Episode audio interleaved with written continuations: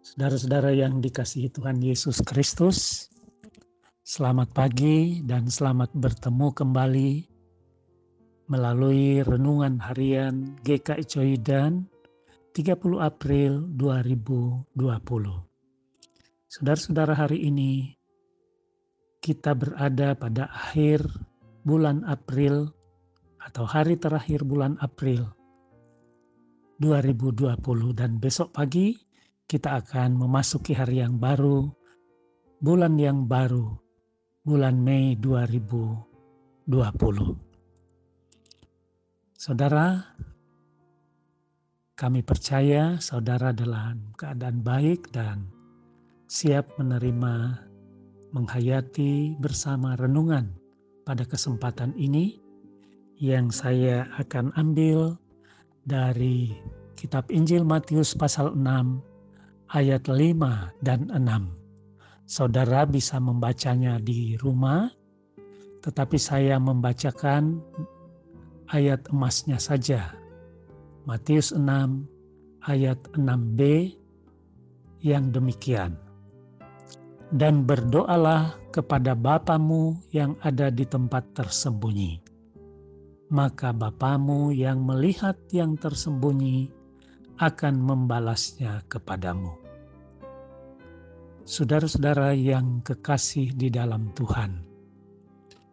Pada zaman sekarang ini, kita semakin sering mempergunakan alat telekomunikasi setiap hari, baik untuk menghubungi teman kita ataupun untuk kepentingan yang lain yang dulu mungkin tidak pernah kita lakukan, seperti berbelanja, seperti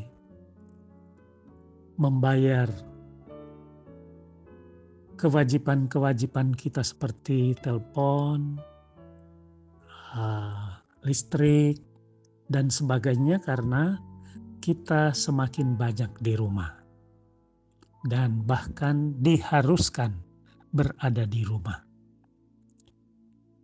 Juga saudara-saudara, untuk berdoa, kita juga sering kali menggunakan alat telekomunikasi, telekomunikasi kita, yaitu smartphone kita.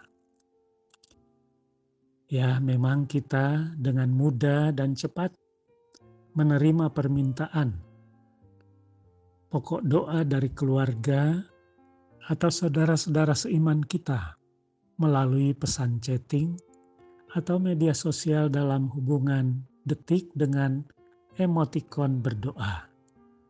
Saudara pasti tahu yang saya maksud emotikon berdoa, yaitu gambar telapak tangan yang disatukan menghadap ke atas.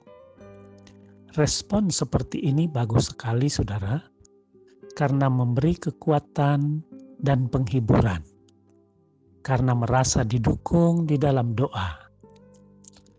Namun, saudara-saudara, pertanyaan penting adalah apakah yang berdoa smartphone-nya atau orang yang mengirim emotikon berdoa itu? Apalagi kalau Hal ini terjadi di dalam satu grup WA.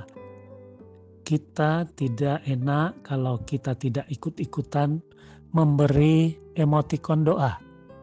Padahal belum tentu kita mendoakannya.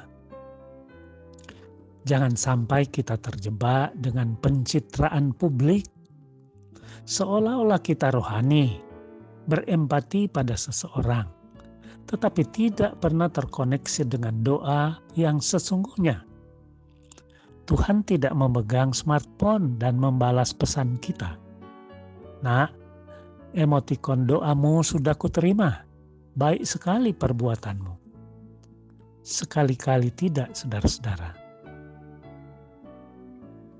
Tuhan Yesus pernah memberi peringatan serius seperti dalam bacaan kita dengan berkata, dan apabila kamu berdoa, janganlah berdoa seperti orang munafik.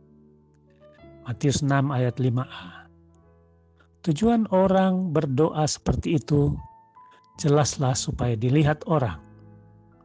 Kata munafik cocok disematkan kepadanya, sebab ia kelihatannya berdoa, padahal tidak berdoa, alias pura-pura berdoa. Orang lain tidak tahu apakah ia berdoa atau tidak, tetapi Tuhan tahu bahwa ia berdoa atau tidak. Sama seperti orang yang menerima emotikon doa kita. Mereka pasti tidak tahu apakah kita mendoakannya atau tidak. Tapi saudara, Tuhan tahu apakah kita berdoa atau tidak. Tuhan Yesus mengajarkan kepada kita supaya masuk ke kamar dan berdoalah kepada Bapamu. Ayatnya yang keenam. Supaya kalau kita berdoa, hendaklah dengan sungguh-sungguh.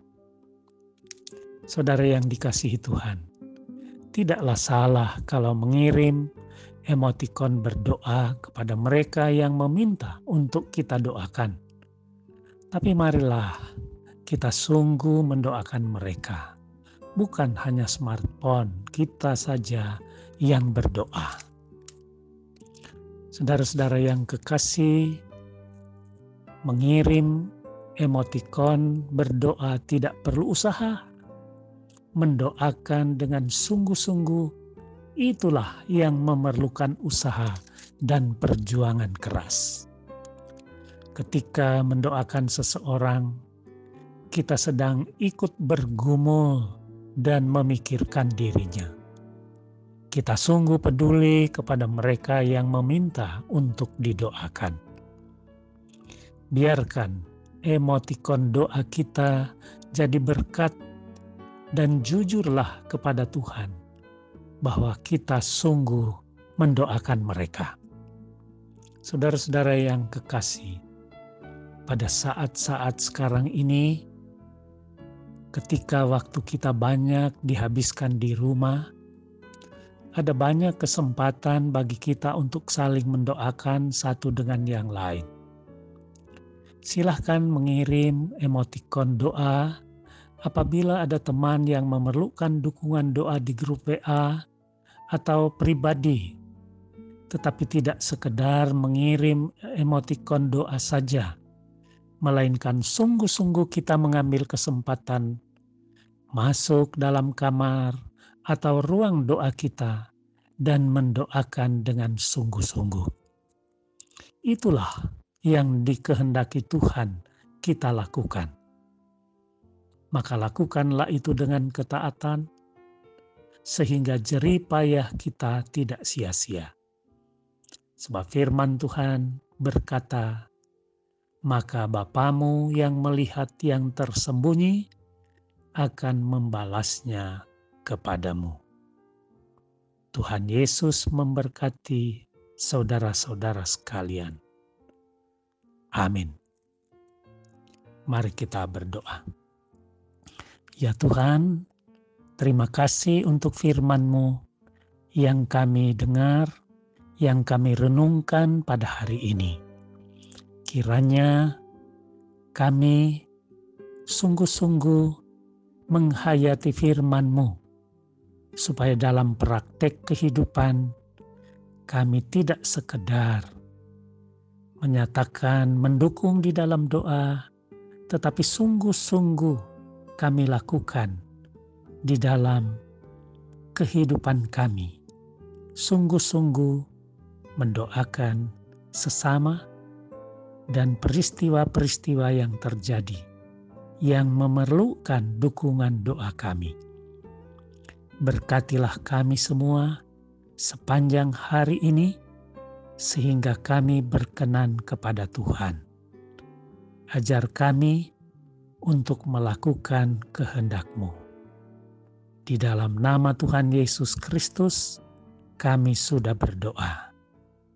Amin.